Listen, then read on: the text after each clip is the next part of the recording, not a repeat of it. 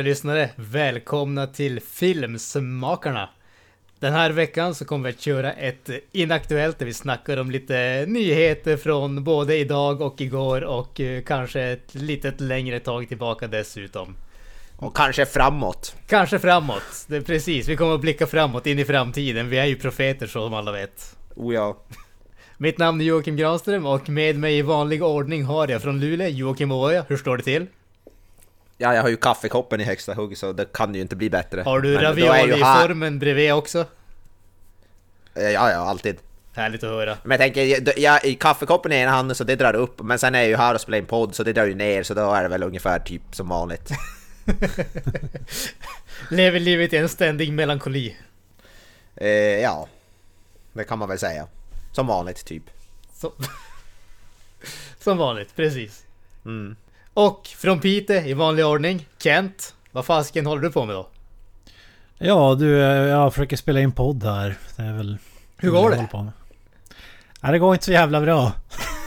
I Som vanlig vanligt. ordning. ja, exakt. Tveksam Ja. kvalitet.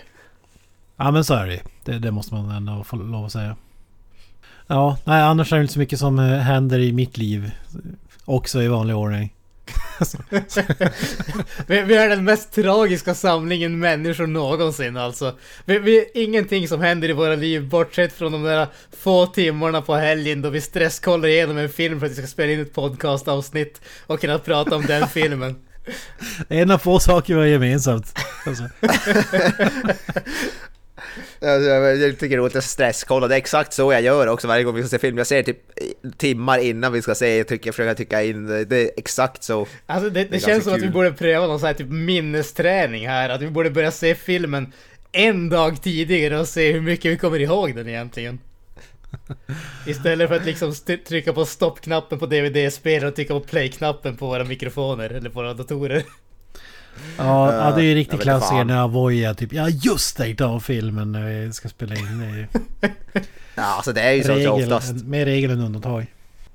Ja men så är det, men det är för att jag har så extremt lite tid, jag är så jävla upptagen alltså med att göra ingenting. just det.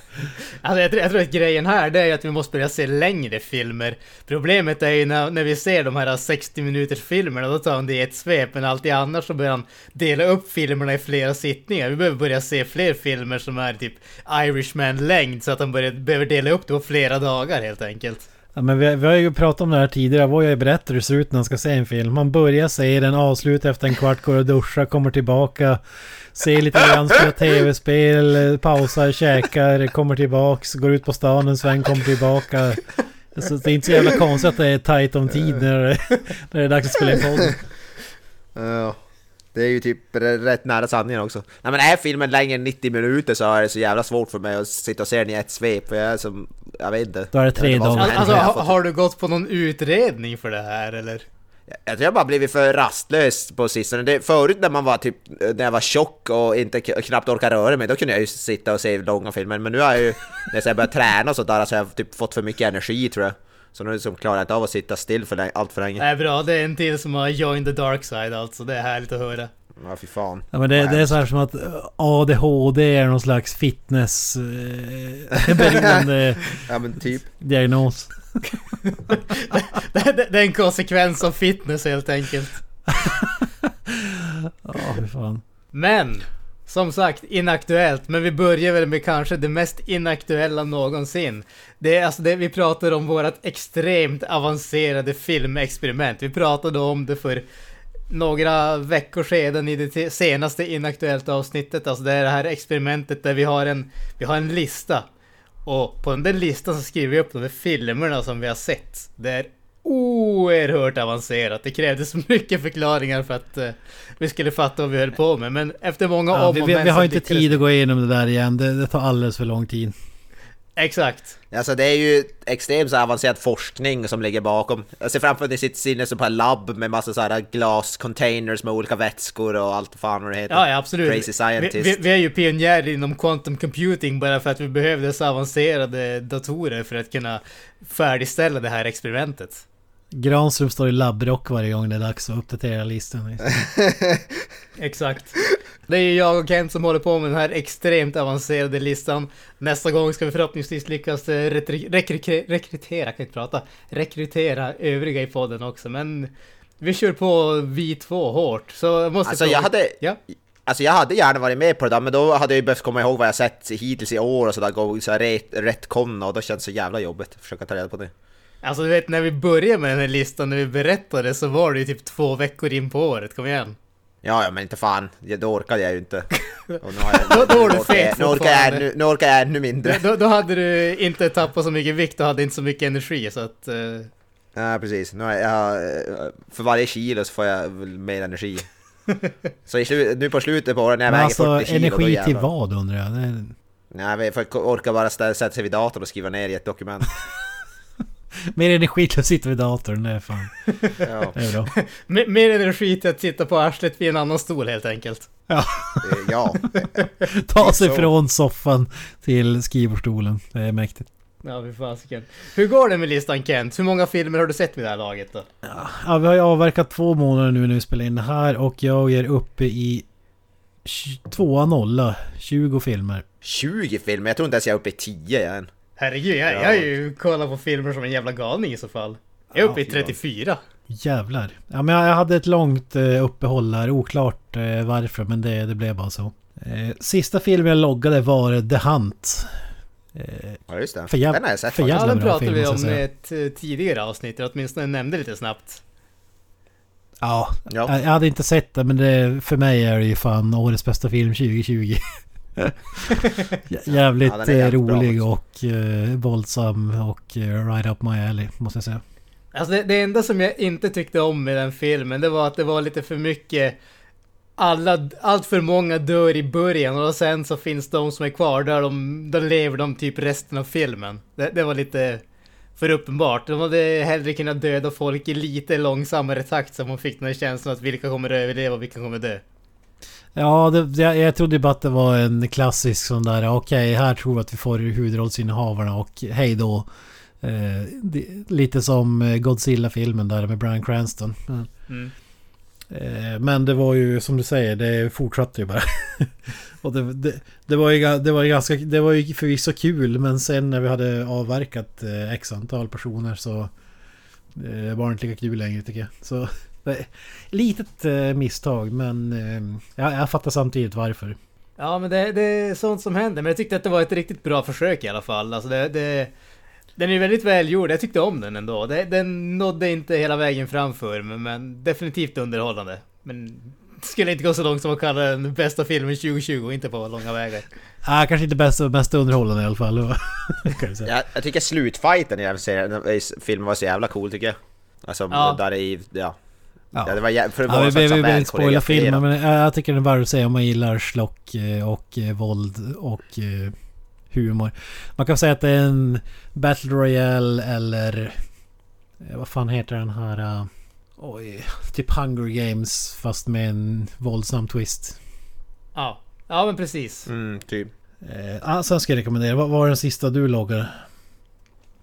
Jag loggade, jag var ute på ett, eh, vad ska man kalla det, Netflix eh, spree. Och jag kollade in Gods of Egypt, den eh, högst bespottade filmen från 2016. Eh, och jag kan väl inte säga att det är en speciellt bra film. Det, det är definitivt inte någon höjdare på något som helst sätt. Bortsett från ett, en specifik grej. Alltså det, den är... Hade den här filmen varit stillbilder, alltså där man bara såg designen på grejer och sådana där och liksom häftiga vista som man säger så. Så hade det typ varit en perfekt film, för det är väldigt snyggt, det är väldigt mycket snygga designer. Det är väldigt så här uh, eye-catching om man säger så. Men när man får det i rörelse och allting sånt där så märker man att de hade inte budgeten att göra göra den så väl som de för ville eller försökte. Det, det känns som att effekterna är aldrig så pass bra som de behöver vara. Det, det ser aldrig riktigt så flytande ut som det behöver göra. Det ser alldeles för mycket så här dataanimerat ut och sådär när det kommer till rörelsen och fysiken och sånt. Så att det hade gjort sig väldigt bra om det hade varit stillbilder, men som film så håller den inte överhuvudtaget. Sen så, jag jag är definitivt inte den som brukar klaga på sånt här i vanliga fall. Jag vet inte om jag klagar på det nu heller. Det är bara en sån där äh, magkänsla. Alltså när det kommer till... Det är alltid kontroverser om whitewashing och sånt där. Äh. Alltså vita personer som ska spela färgade personer eller att färgade personer görs äh, ljusare helt enkelt. Eh, för att det ska vara mer acceptabelt om man säger så. Det må väl vara. Men här har du en film som handlar om Egyptens gudar. Alltså Egypten ligger i Afrika. Generellt sett inte de eh, vitaste människorna som man hittar där. Varenda alltså Chadwick Boseman dyker upp i den där filmen i typ två minuter. Bortsett från han så är typ den mörkaste en väldigt ljus spanjor ungefär. Alltså det, det, är liksom the most pastiest motherfuckers du kan hitta som spelar afrikanska gudar. Och det känns lite avigt ändå tycker jag. Jag, jag, jag vet inte. Visst var det en 3D-film om jag minns rätt? Den är inte 3 åtminstone jag inte, jag vet, jag tror inte. Den är nog inte i 3D som det som jag såg den i. Däremot så är det jävligt mycket som är datanimerat av eh, högst varierande kvalitet. Visst är det Rid Ridley Scott va? Ja. Nej, det är Eller? ju Alex Proyas. Jaha. Ja men det, det, det är ju en 3D-film. Det kanske är en sån här film som har gjorts i efterhand men... Den, på Blu-ray och så vidare så vet jag att den gavs ut på 3D. Okay. Kanske därför det är så mycket, som du säger, att det är mer estetik än handling. Fan är, är inte Ridley Scott inblandad på den här filmen? Är han någon producent eller något skit då kanske? Kan För fan för mig, för, för mig att Ridley Scott har gjort någon sån där Egypten-film, eller om jag kanske tänker på någon helt annan film. Du tänker inte på Kingdom of Heaven eller någonting åt det hållet? Inte för att de är i Egypten ah. där men... Ja men film i Egypten med Gerard Butler, det blir inte bättre än så. Nej, jag kan, jag kan ju säga att han gjorde definitivt inte den minsta ansträngning för att dölja accenten heller. Det, det... Nej, jag tänkte på... Den filmen jag tänkte på är en film som heter Exodus Gods and Kings. Som Ridley Scott har regisserat. Okej, okay, ja. Det är också det är en Egypten-film. Så kan det vara. Någonting annat som du har sett som bara för att uh, ta upp det nu när vi ändå håller på Kent? Uh, Caddyshack 2. Nej men jag har sett om uh, filmen Prisoners för kanske tionde gången. Ja, den är ju sjukt bra. Ja, den är riktigt, riktigt bra. Ja, jag, jag, vet inte vad det är med den men jag kan se den hur många gånger som helst. Jag såg ju den för första gången i mitt liv. Det var inte så länge. Var det någon gång förra året eller något sådär tror jag. Det var inte så länge sedan. Jag, så, ja, jag såg den i vintras jag också. Så att jag var definitivt inte först ut på den på något som helst sätt. Nej. Ja, den är ju, den är ju, var ju, är ju jävligt bra. Ja, det, den, är inte, den är inte så här på... Det finns en film som heter Zodiac. Jag vet inte om ni har sett den med... Ja. Ja, en jag har sett den också. Fincher-rulle. Alltså, jag kan se den hur många gånger som helst. Så slutade med att min eh, sambo fick ett utbrott när hon såg att jag kollade på den igen. Att nu, nu får du fan inte kolla på den här mer. Du är för fan beroende. jag har sett den så jävla många gånger alltså. Det är helt sjukt. Det är rätt, det är rätt lätt att, för att för, förväxla de här filmerna. För båda har väl typ Jake Gyllenhaal och båda är typ så lite mörk detektivfilm. Typ, ja. På, på, Vilken var den andra filmen sa du? Vad sa du? Ja, Prisoners menar du? Ja, Prisoner och Zodiac, mm. de är rätt lätta att förväxla. Det är ju båda Jake Gyllenhaal och... Stilmässigt påminner de ju lite grann om varandra kan man tycka. Mm. Ja, det också. Ja, äh, äh, Zodiac. Fan, fan vad bra den är med... Ja, som du säger, Jake Gyllenhaal, Robert Downey Jr, Mark Ruffalo och så vidare. David Fincher regisserar. Alltså bara musiken och stämningen i filmen. Det, jag vet inte fan, jag, jag kan säga den hur många gånger som helst alltså. Ja. Eh, det är en rolig story med den, är ändå inne på det, jag kan ju dra när... Eh, bodde i Göteborg eh, för x antal år sedan och då smäller den upp den här nya ganska stora biografen Bergakungen hette den, var ny då. Göteborgs största tror jag. Och vi hade, vi hade inte varit på premiär eller sådär men e-, efter x antal månader så bestämde vi att fan nu, ska, nu måste vi på bio. Och eh, hade en polare på besök och valet av film var ju givet. Die Hard 4.0.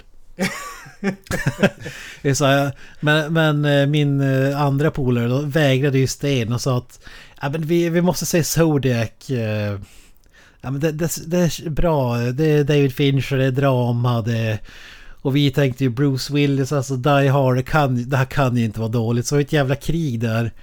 Och, men det slutade med att vi fick... Eh, fick böja oss och så vi satt och såg Zodiac då och med den inställningen, vi satt med armarna i kors och bara Åh, ja men vad fan är det här? Så det är bara för att vi hade gått miste om Die Hard 4.0. Så, så här i efterhand så måste man ju säga att vi gjorde ett bra val. Men det var, det var lite kul att vi pissade på den filmen då och jag tycker så jävla mycket om den idag. Det är lite humor. Men den, den intressanta biten där, det är att höra om du tyckte om den när du såg den då, eller om du efter att du hade sett den kände att fan, jag skulle ha sett Die Hard istället. Ja, nog var det att fan jag skulle ha sett Die Hard istället. Men det var inte för att jag tyckte att filmen var dålig. Men det var ju bara att jag tänkte att... Alltså, alltså Die Hard 3 var ju ett jävla mästerverk med Samuel L. Jackson och så vidare. Så man såg ju framför sig något i den stilen. Det är ju oöverträffat liksom. Die Hard 4 är ju dock inte första Die Hard. Men den är väl... Visst är Hard 4 den som är Timothy Olyphant-skurk typ? Det, är ju där det är några datahackers som eh, Die Hard Ja, slåss mot. Den är inte lika... Det, det är då Die Hard börjar gå stadigt ut för kan man säga. Eller gick åt helvete. Om man ska vara ärlig. Så, det är li, lite ironiskt. Men eh, ja, jag bara säger det. Tynnered represent. Nej, det, det jag skulle säga är en av mina favoritfilmer idag. Skulle varmt rekommendera den. Framförallt om man gillar så här eh, mord, eh, mystery grejer. Jag är förvånad att Gyllenhaal inte har fått mer eh, den typen av roller ändå. Mörka polissnubbar. Han har ju spelat Mm. polis men inte samma typ av... Ja, ja. Men men. Men har, från snutar med mörka auror till andra snutar med mörka auror, åtminstone en av dem. Face-Off 2, Kent, vad fasiken är det vi hör? Det ryktas om någonting spektakulärt här alltså. Ja, det har varit på gång länge men nu verkar det ju äntligen, eller ska man säga äntligen? det ska vara någon reboot slash sequel, alltså uppföljare eller eh, reboot av Face-Off. Face-Off 2. Fast jag vet inte hur spektakulärt det är, för det ryktas väl om att varken Travolta eller eh, allas våra Nicky Cage inte ska vara med, så, så jävla spektakulärt är det ju inte. Nej, nej det är sant. Och jag vet inte vem fan som skulle kunna... Alltså det finns inga skådisar som skulle kunna matcha den. Rolf Lassgård och Micke P. Skål vote. och Micke P. Det är min, Standardvalen i den här podden.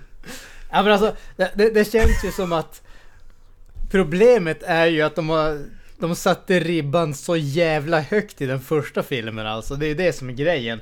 Själva, det är inget fel på själva idén att du har en skurk som tar ansiktet från en polis och tvärtom. Den idén är grym, det funkar hur länge som helst. Problemet är ju bara att genom att stoppa in Nicky Cage och få han att göra den här verkligen batshit crazy performancen som han gjorde i den första filmen. Och dessutom ha John Travolta som gör allt vad han kan för att hålla jämna steg. Alltså den kombinationen är så oerhört vass. Så det finns ingen chans att det går att liksom överträffa det. Och jag kan inte säga att det känns ens som att jag kan nämna några namn som skulle komma upp i ens närheten av samma nivå i dagsläget alltså. Det, det jag skulle vilja se med en ny Face-Off är att vi ser samma film, bara att rollerna är omvända. Att eh, Nicky Cage är vad heter det, polisen och... Eh, och Det är reboot. Ja, och så får vi, då får vi egentligen se Nicky Cage vara den här crazy, vad heter det, eh, psy- psycho genom hela filmen istället för bara typ några minuter i början eller vad det är. Det kanske... Det- det- det- Han ska regissera... Det är Adam Wingard som ska göra. Han ska göra Godzilla vs Kong. Det blir, kanske blir Godzilla som ska opereras om sig till Kong. Ja just det! För att infiltrera vadå, god, vad heter det, King Kongs familj av apor eller vadå? Gå undercover, undercover Godzilla eller? Ja. Fy fan. Ja, eller så blir det så som det har blivit så många andra gånger på senaste tiden. The Female Remake. Du vet, det kommer vara exakt samma grej men vi kommer ha två kvinnliga skådisar istället. Ja, för fan kommer det vara typ Kristen Wiig och hon den där st- vet du, eh, från Bridesmaids, vad heter den andra kända female komiker som jag har glömt namnet på. Ja, fy fan man. Ingen aning om vem du tänker på. Jag har inte sett Nej. Bridesmaids. Ja, jag har inte sett Bridesmaids heller men eh, ja, skitsamma. Nej. Det låter ju inte speciellt intressant i alla fall. Nej, han, han gjorde den filmen The Guest som jag tycker är ganska bra. Eh, Ja, ja han, har, men han har gjort bra grejer ändå, Wingard. Så han har gjort en film som heter Your Next tror jag också. Ja. Han har gjort. Som är riktigt bra. Så han, har- han har ändå ett helt okej CV faktiskt. Ja, men jag tänker det kanske blir han Dan Stevens som blir eh, en av rollerna. Ja men alltså Dan Stevens är en jävligt bra skådis, det har jag absolut inget emot. Jag tycker han, han är riktigt bra i de, i det jag har sett faktiskt. Så. Han har jag absolut ingenting emot, men om han kan stå upp till med Nicky Cage, det är svårt att, svårt att se. Eller blir det Willem Dafoe där från Death Note kanske? Det hade ju varit lite Lee Cage-aktigt ändå, måste jag säga. Ja. Alltså det kanske är det vi behöver. Face-Off 2 med uh, Dafoe. Willem Dafoe. Ja, Alltså det- ja, det- det hade väl kunnat. Det, det känns som att vi kommer inte ha, ha vad heter eh, det, det kommer, Den kommer inte att kallas Face-Off 2 heller. Alltså de måste göra någon sån där Fast and Furious variant alltså. Two face, two off eller något. Two-Face! Eller Face On Off eller någonting. Ja, är det, precis. alltså en bi biografi om den här svenska kedjan On Off.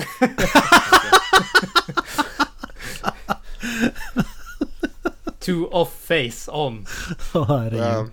Men om vi ska vara så här Hollywood-cyniska, och om vi håller oss till män. Vi- Vilka skulle vara... Alltså om det skulle vara en usel reboot med tråkiga skådisar. Vilka är de givna valen? Är det typ Charlie Hunnam och Tom Holland eller vad- är det?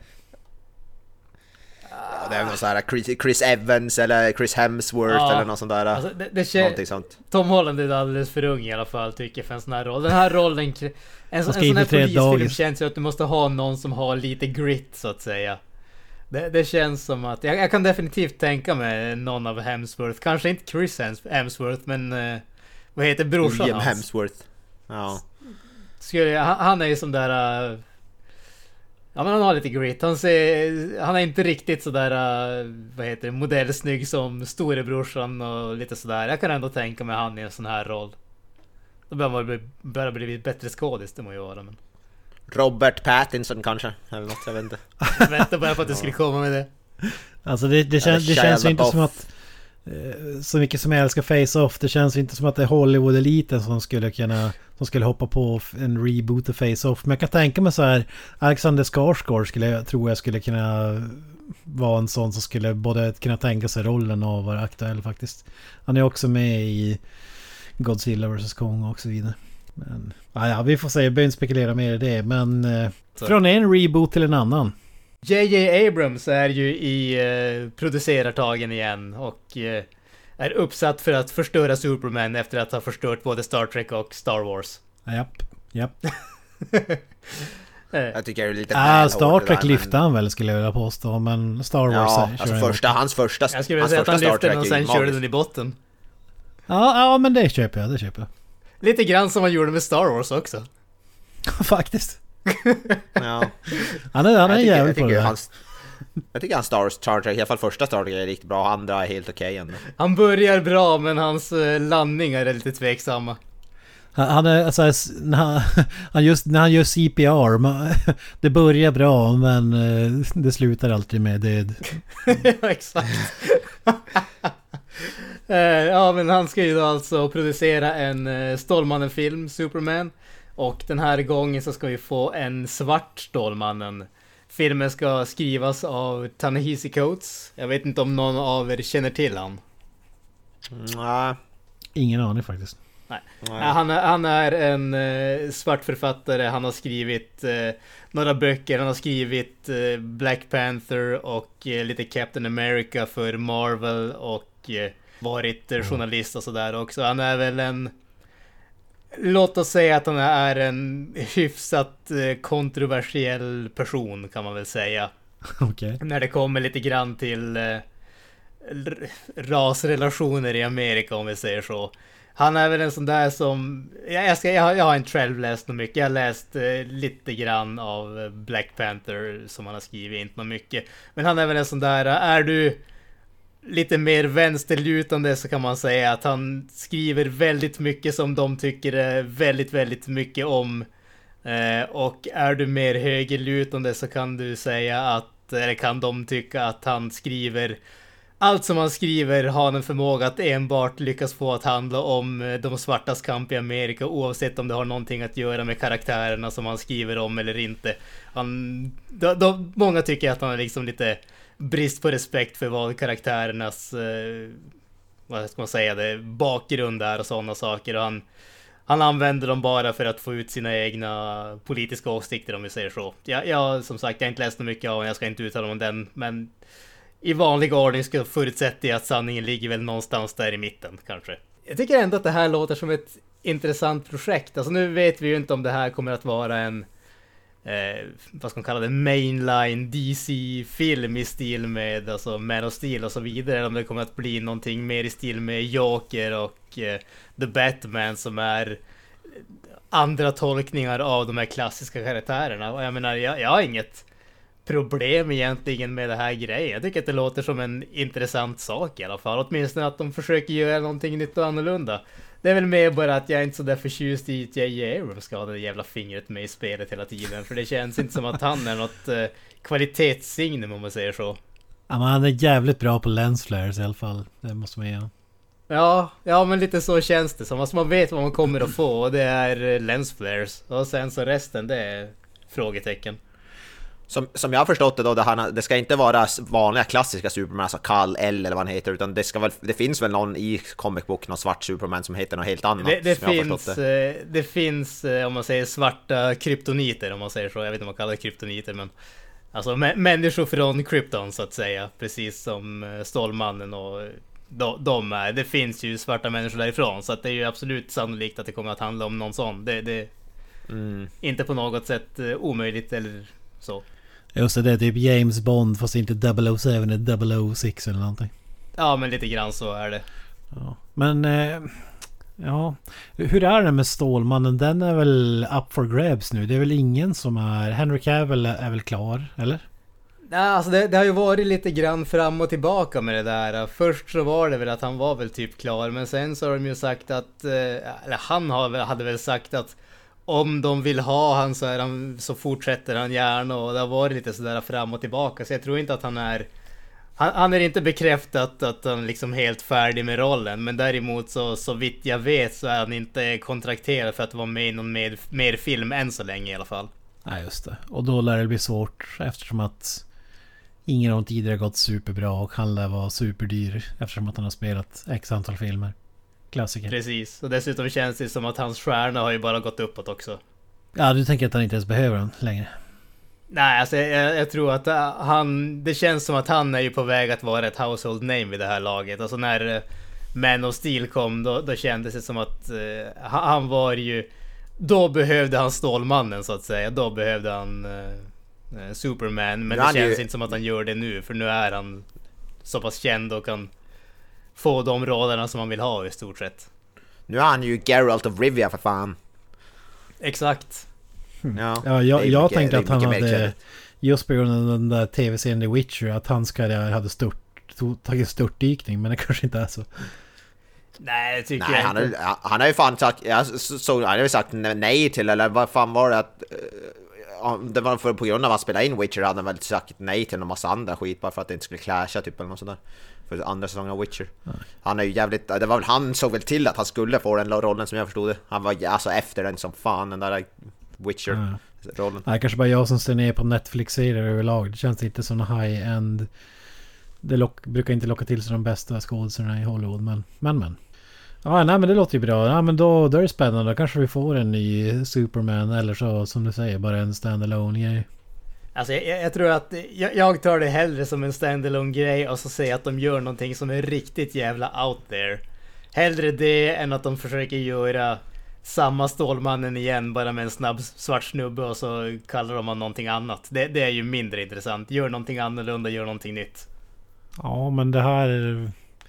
DC och Marvel, vi vet ju hur de jobbar. Det är samma film all over igen. Definitivt. definitivt. Å andra sidan så känns det som att DC har ju inte fått... Eh, de har ju inte fått koll på den där formen riktigt på samma sätt som Marvel. Så jag tror att det finns ändå en viss chans att de kan göra någonting nytt. Alltså en, vi fick som sagt, vi fick ju ändå Joker och den är ju godes och annorlunda jämfört med övriga DC-filmer. Det känns som att de, de försöker åtminstone vara lite annorlunda. Marvel är så väldigt eh, inpejlade på sin formel så att där kommer vi aldrig att få någonting nytt.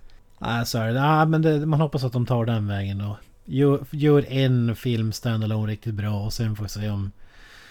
Om det blir bra överhuvudtaget. Exakt. Om det är värt att ta vidare. Inte Exakt. planera 20 filmer. I 40 På tal om att planera 20 filmer eller 20 grejer och inte få någonting gjort. George R.R. Martin har varit i nyheterna igen. Uh. Uh. Ja, speedwriter är det det han kallas för. Ja, exakt. Alltså den mannen alltså. Han är Stephen King mig. on crack kan man säga. Ja, Det roliga är att all, allting han gör, vet du, till han spelat Elden Ring, ett tv-spel som han var inblandad i, det spelet har man inte hört någonting om på typ två år också, vilket är lite ironiskt. Så verkar allt han touchar, det som försvinner ner i något svart hål typ. Ja, men vad han känd för? Han har skrivit eh, Game of Thrones-böckerna. Det- En vecka per bok eller något sånt. En, veck, en vecka per bok, ja, han skriver dem ju så jävla snabbt alltså. oerhört snabbt alltså. Ja, Jävlar han är så jävla snabb. Äh, äh, det är ju för de som inte fattar ironin, det är ju helt tvärtom. Han är så förbannat långsam. Hur, hur många år har han hållit på med den senaste... Game of Thrones tv-serien senaste- gick ju i mål, men boken... typ den näst sista boken eller sista boken är fortfarande inte skriven.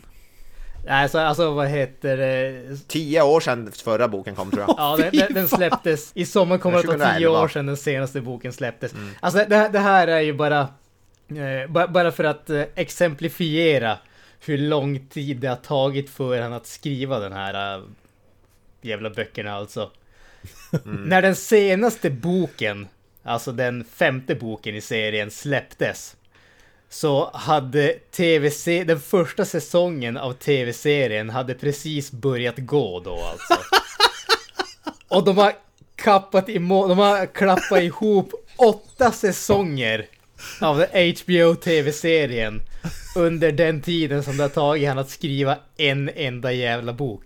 Och då ska man säga att de har tagit tid på sig att spela in dem också. Det är inte någon sån här Ja. hastjobb. Fan vad kul. Nej, men alltså, han, han är Det där ju... måste ju bara handla om att han, han känner själv att han kan inte leva upp till hypen och så skiter han i det, fegar ur. Alltså li- lite så Man känner jag inte det. Alltså det, det som Mm. jag tror, alltså. Det, nu känns det så här meningslöst att bara sitta och spekulera men Ja. För det, det, alltså, kollar man på internet, alltså det finns ju så oerhörda spekulationer, alltså folk spekulerar ju. Det finns ju typ forum som är dedikerade till att spekulera i varför det har tagit så jävla länge för att han, för att skriva böckerna. Men, men det som jag eh, tror och det som väldigt många egentligen tror, det är ju att eh, Hans ghostwriter har dött. Ja, precis. Nej, men alltså han, han berättade, när, när de gjorde, vad heter det, tv-serien så berättade han ju liksom i stora drag handlingen för eh, Vice och vad fasken den andra heter då? D&D och vad de då heter. Eh, och han trodde väl att eh, liksom innan tv-serien är färdig då ska jag hinna ikapp. Innan tv-serien har nått de sista säsongerna ska jag hinna ikapp så att vi kan liksom fortsätta där. Och jag tror att när tv-serien kom förbi han så tappade han liksom glöden för att då hade jag okej nu har folk sett det som jag i stora drag hade tänkt. Är det verkligen meningen att göra det? Sen så som sagt han säger, han påstår att han sitter och skriver men ja. Jag, jag har inga högre förhoppningar om att någonsin få se den här, uh, den här sjätte boken. Som inte ens är den sista boken i serien som han har planerat heller. Så jag menar, och snubben är ju 70-plussare vid det här laget, han kommer att dö in.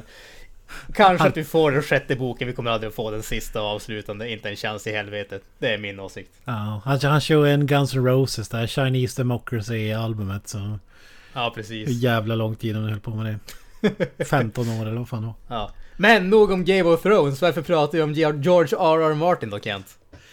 Ja, han teamar ju upp med mästerregissören Paul W.S. Anderson. Poddfavoriten, Ja, gjort mästerverk som Mortal Kombat, Death Resident Race, Evil, Event Horizon, Resident Evil 1 till 19. Ja, Monster. Hunter. Åh, Monster Hunter, jag har inte sett den än, men den måste ju vara ett mästerverk. Mila Jovovich är med för tusan. Ja, helt OK. Mästerverk. Ja, definitivt inte ett mästerverk. typ 6, 6 av 10 kanske. Ja. Menar du, inte, menar du att du inte köpte att Mila Jovovich var en jämn match mot Tony Jaa i den filmen alltså? Ja, det var ju en av få saker som jag definitivt inte köpte. Alltså i en fisticuffs då vinner ju Jovovich alla gånger. Ja, nej, spoila inte Monster Hunter. Den är högst upp på min Most Wanted-lista filmer att säga. Alltså. Ja. Det är stora monster med i filmen. Ooh. Och det är Paul W.S. Anderson, det räcker för mig. Ja.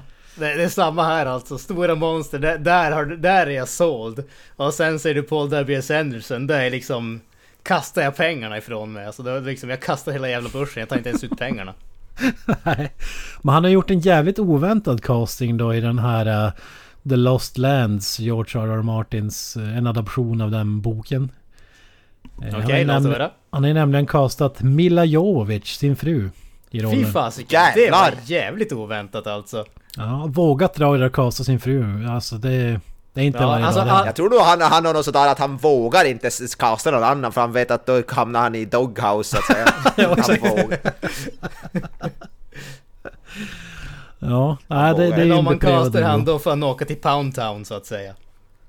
Ja, ja precis. Han gör det bara för att få lite så här, punani så att säga. Undrar ja. funderar där när de förhandlar om lönerna typ... Ja, vi måste betala huvudrollsinnehavaren jävligt bra pengar annars... Eh, hon kommer aldrig göra den annars, den här filmen. Ja. Eller tvärtom, hon gör det gratis för att de ska få göra filmerna kanske, jag vet inte. ja, det, ja. det är fasiken alltså. Oavsett så är det ju en dynamisk duo utan dess like. Det magi. Det, det sprutar gnistor på skärmen. Eller vad säger ni? Ja. Ja, definitivt alltså. Ja, men jag har ingen koll alls på In the Lost Lands. Vad, vad är det för någonting? Jag ska ärligt erkänna att jag har ingen uh, koll på det heller. Det är Nej, ingen aning. Mm. Okej, okay. filmen följer Grey Alice. A powerful and fearsome sorceress. Who is hired by a queen seeking the gift of shapeshifting. Ah, ja. ja, det är inte stora monster och gigantisk svärd direkt. Jag misstänker att uh, herr Anderson kan kasta in någonting sånt åt oss. Han har ju kastat Dave Bautista också så det finns väl hopp där då för någon monster. ja då är det ju jävligt lugnt i alla fall. Ja men det känns ju bra i tider där ingenting är sig likt så är ändå Paul W.S. Anderson och Jovovich sig lik. Det, det känns bra på något sätt. Ja, vi kan, vi, det är bra att åtminstone de siktar på låg kvalitet ständigt. De kommer ta sig igenom ja, den här pandemin. Det är Ja, men alltså, det, det, känns ju som att en film med av uh, Paul W.S. Anderson, det är ju någon sorts Hollywoods familjeföretag om man säger så. Ja. Hur menar du då? Ja men alltså det, frun är ju alltid med, det är lite såhär, alltså de kommer att vara Hollywoods mom and pop shop ungefär. Jag vet om 35 lilla... år så kommer de fortfarande att göra filmer men då kommer det att vara deras unga som är i, vad heter det, med i filmen och så kommer de att regissera och producera och allting sånt. Och den, den redigeras av deras efterblivna son Doobie White så att det ser ut alla filmer ser schizofren ut. Det känns som att vi behöver lite förklaring till det skämtet.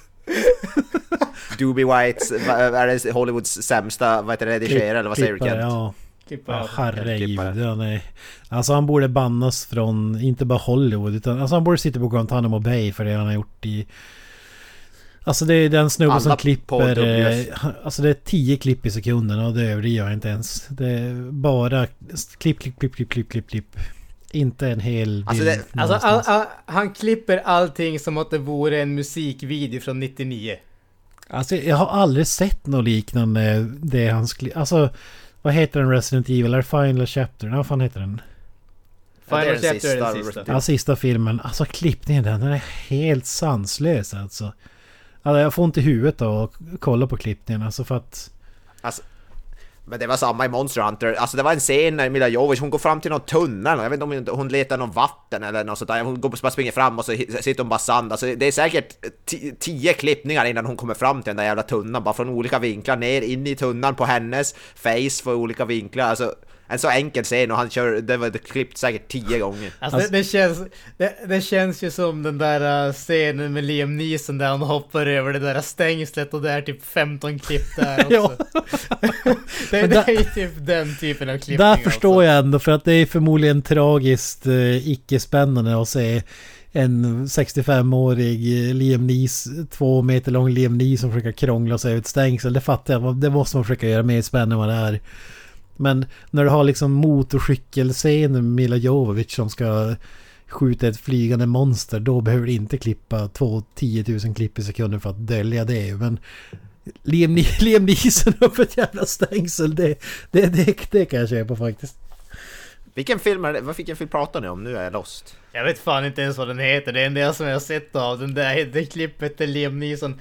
Han, alltså han springer mot ett sånt där eh, typ uh, chain link, fence som det kallas.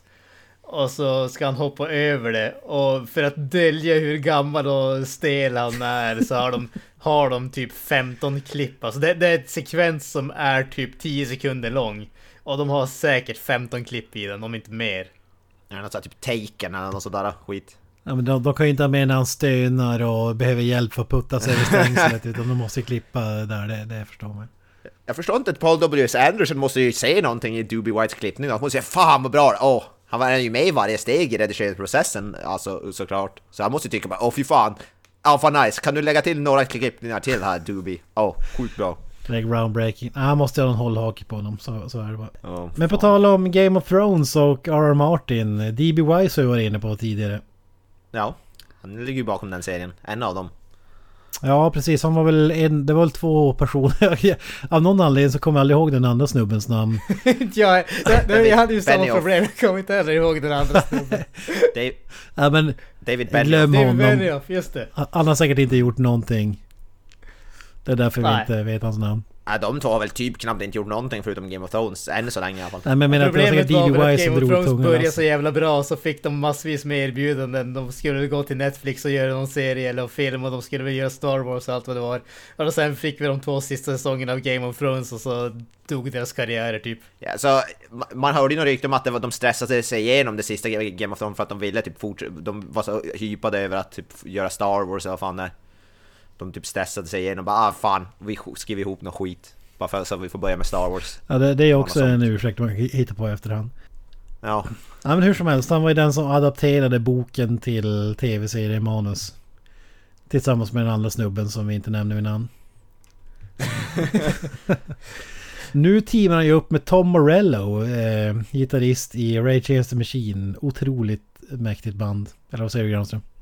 Definitivt, alltså stilbildande raprockband från slutet av 80-talet, början av 90-talet där. Alltså de är...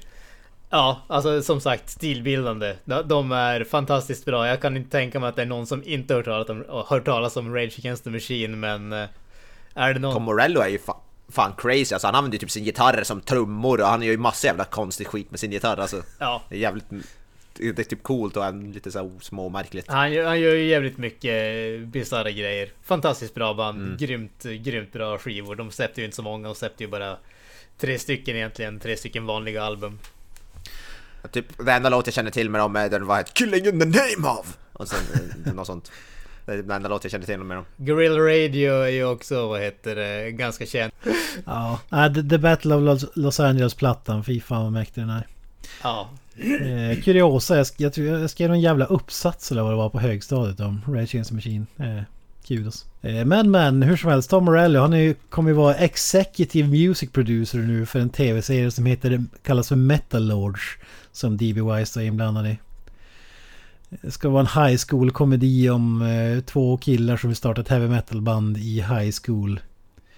Eh, och så vidare. Så lite...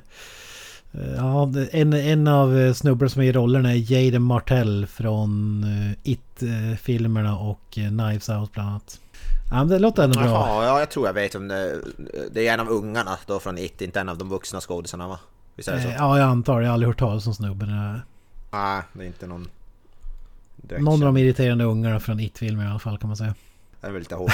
Nej men det låter ändå bra. Han, det lär ju vara bra musik i tv-serien om inte annat. Även om det skulle suga i övrigt. Ja, alltså det, det, det låter ju definitivt lovande. Det enda som jag, och det här är väl kanske en petitess att eh, tänka egentligen, men det är ju att är det Tom Morello som ska vara music producer känns det inte som att det kommer att bli metal metal. Det kommer att bli någon alternativ variant av det. Men det är en petitess i sammanhanget. Jag är bara jävligt taggad på att få en tv-serie som åtminstone har någonting med metal att göra. För vi är inte direkt bortskämda med den biten. Du tror inte att det blir School of Rock med Jack Black musik? Alltså jag måste ju säga att jag är en av de få som inte har, tycker om School of Rock alltså. Ja, jag, jag kan ändå se skärmen i den. Det, det måste Alltså, jag säga. alltså problem, egentligen är så här. Alla problem som jag har med School of Rock kommer ner till att jag har jävligt svårt för Jack Black ibland. Han, han är kul när han är lagom, men han är så där överspelad och bara löjlar sig hela tiden så jag har så jävla svårt för honom. Du gillar inte Tenacious D alltså? Jag tycker Tenacious D, vad heter det? Jag tycker Tenacious D-musiken, eller albumen tycker jag är jävligt kul. Jag tyckte att filmen var hyfsat kul, men däremot tv-serien tyckte det varit lite för mycket av det där tycker jag. Ja, oh, fy fan. Ja, det är Helgeron. Ja, jag, ja, jag gillar ju Tenacious Jag tycker ju Pick of Destiny är en kultklassiker för min del. Och det är inte ens min typ av film eller någonting. Men jag älskar ju den filmen innerligt. Ja, alltså jag tycker bättre om tv-serien än filmen faktiskt. Men jag, gillar båda som fan. Tv-serien har jag faktiskt inte sett, men Pick of Destiny har jag ju sett uh, Musiken i filmen är ju för fan 10 av 10 alltså. Mm. Eller Musiken är ju faktiskt jävligt bra. Ja, vad heter det? Meatloaf-låten med Dio också. Ja.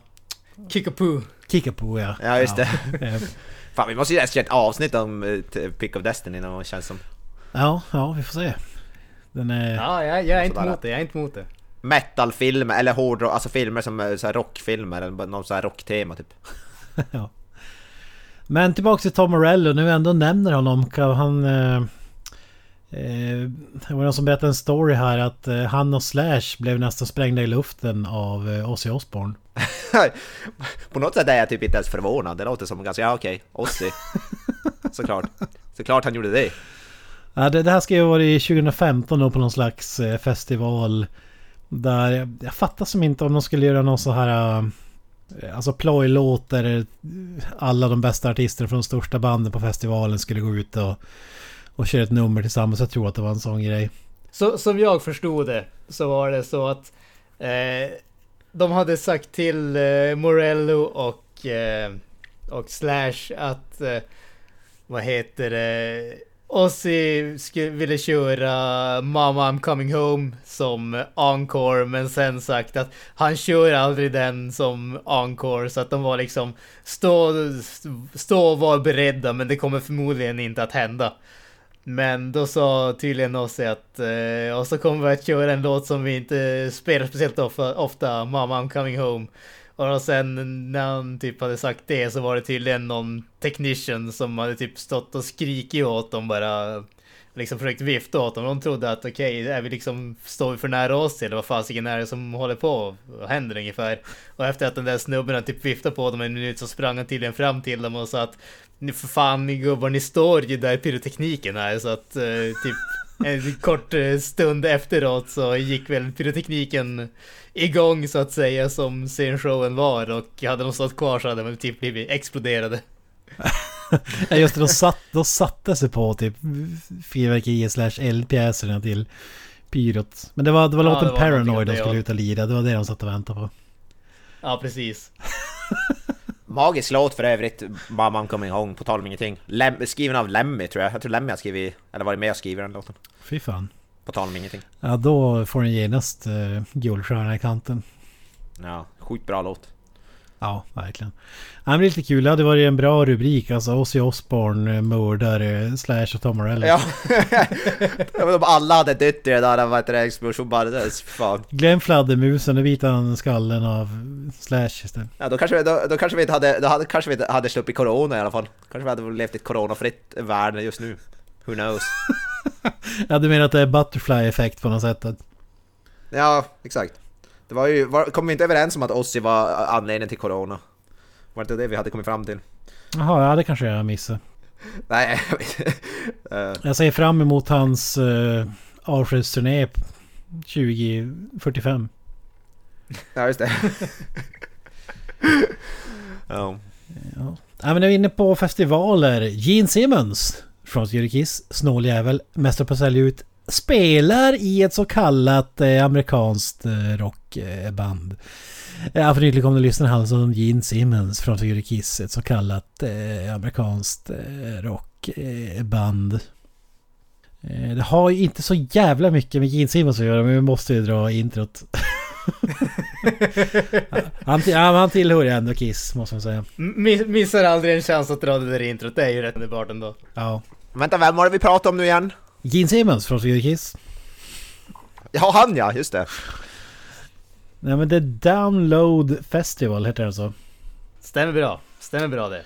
I Stora Britannien. Hade ju schemalagts att lira i sommaren 2021. Men det kom ju någonting emellan där. Något slags virus eller något. Jag vet, jag vet inte fan vad det där var. Jag, vet, jag har inte exakta uppgifter men det är något slags eh, pandemiaktigt som gör att festivalen nu chockerande nog är uppskjuten till 2022.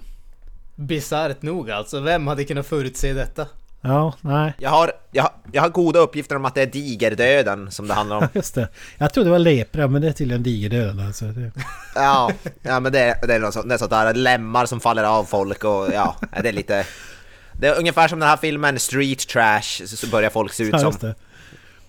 Ja, vi får återkomma i ämnet. Men eh, de headliner Mm. de är Kiss, Iron Maiden och Biffy Clyro. Eh, om vi stryker Biffy Clyro så är det ju magisk eh, line-up måste jag säga. Ja, man vet ju såklart att det är ju ett av de banden som Kent känner lite extra för och det är ju såklart Kiss. Då. Ja, ja verkligen. Sen det var något annat band där som du nämnde som jag inte kommer ihåg men då, Nej, vad så- var det? Var det världens bästa band genom alla tider? Jag min- jag minns Alltså äntligen är det någon annan som ser ljuset med Biffy Clyro alltså. Ja, exakt. Fan vad jag längtar efter det här. Nej, det är väl inte ens skämt om det här. Det gör för ont i hjärtat. Iron Maiden såklart. Oj, oj, oj. Iron Maiden, det låter bekant men det ringer inga klockor. Nej, obskyrt eh, band från Säffle. ja, de är ju inga korn direkt. Nej, riktigt så stora är de inte. Riktigt så bra är de inte. Ja, men jag tycker det är fascinerande här att det har planerats in. Det är ju massa festivaler som har planerats in i sommar men... kommer ju att gå åt helvete, ingen festival kommer att hållas i sommar. Ja. De här har ju Nej, tur nej, ändå men- att alla band har tackat ja till att köra 2022 där istället men... Ja, nej men Alltså, alltså, jag, ty det- jag tycker alltså att... Ja, fortsätt. Nej jag skulle bara säga, alltså det, det som är grejen med en sån här sak, det är alltså festivalen måste ju planeras så jävla långt i förväg alltså, det är ju det. Det, det Du Mm. kan inte börja planera en festival alltså, av den här storleken i januari, februari, mars och sen tro att det ska kunna gå av stapeln i vad heter det, juni, juli ungefär. Det, det, det, det är liksom helt omöjligt så att Även om, alltså jag, jag, jag var Ja, helt Granström, om du ringer Gene Simmons veckan innan, nog fan eh, svarar han upp. ja, Gene Simmons möjligtvis, men, Ja, men då, får det- du bara, då problemet får du är bara att han har Gene... ingenting för sig, det är ju det. Han sitter bara och pillar sig i naveln och dricker, eh, vad heter det, Money Pop eller vad fan den heter. money, money bag Ja. soda. Money Men då, då blir, det blir bara Gene Simmons på den festivalen som uppträder också. Ja men det är ju inte, det är inte fy skam. Nej men som, som Gras, de börjar väl, alltså banden till nästa års festival släpps väl typ när årets festival är slut i princip, det brukar inte vara så? Alltså det är sjukt, alltså minst ett år i förväg brukar de ju annon- brukar börja annonsera, kanske längre typ. Alltså de, de brukar åtminstone börja sätta upp dem på vad heter det och na- naila ner dem alltså schemalagga dem och sådana där Mm, grejer exakt. så att Även om de kanske inte går ut eh, officiellt med alla band som kommer att vara så börjar det liksom Det, det är då alla rykten börjar komma om vem som kommer att spela nästa år och sådana där saker så att det, det är ju, alltså de, de måste ju ha så jäkla lång framförhållning och det är ju det som är grejen och de, det, det är därför de skjuter på det så pass länge också just det, innan vad heter Innan de lägger ner någonting bara för att de vet att om vi måste lägga ner någonting så har vi sjunkit så jävla mycket pengar på det också.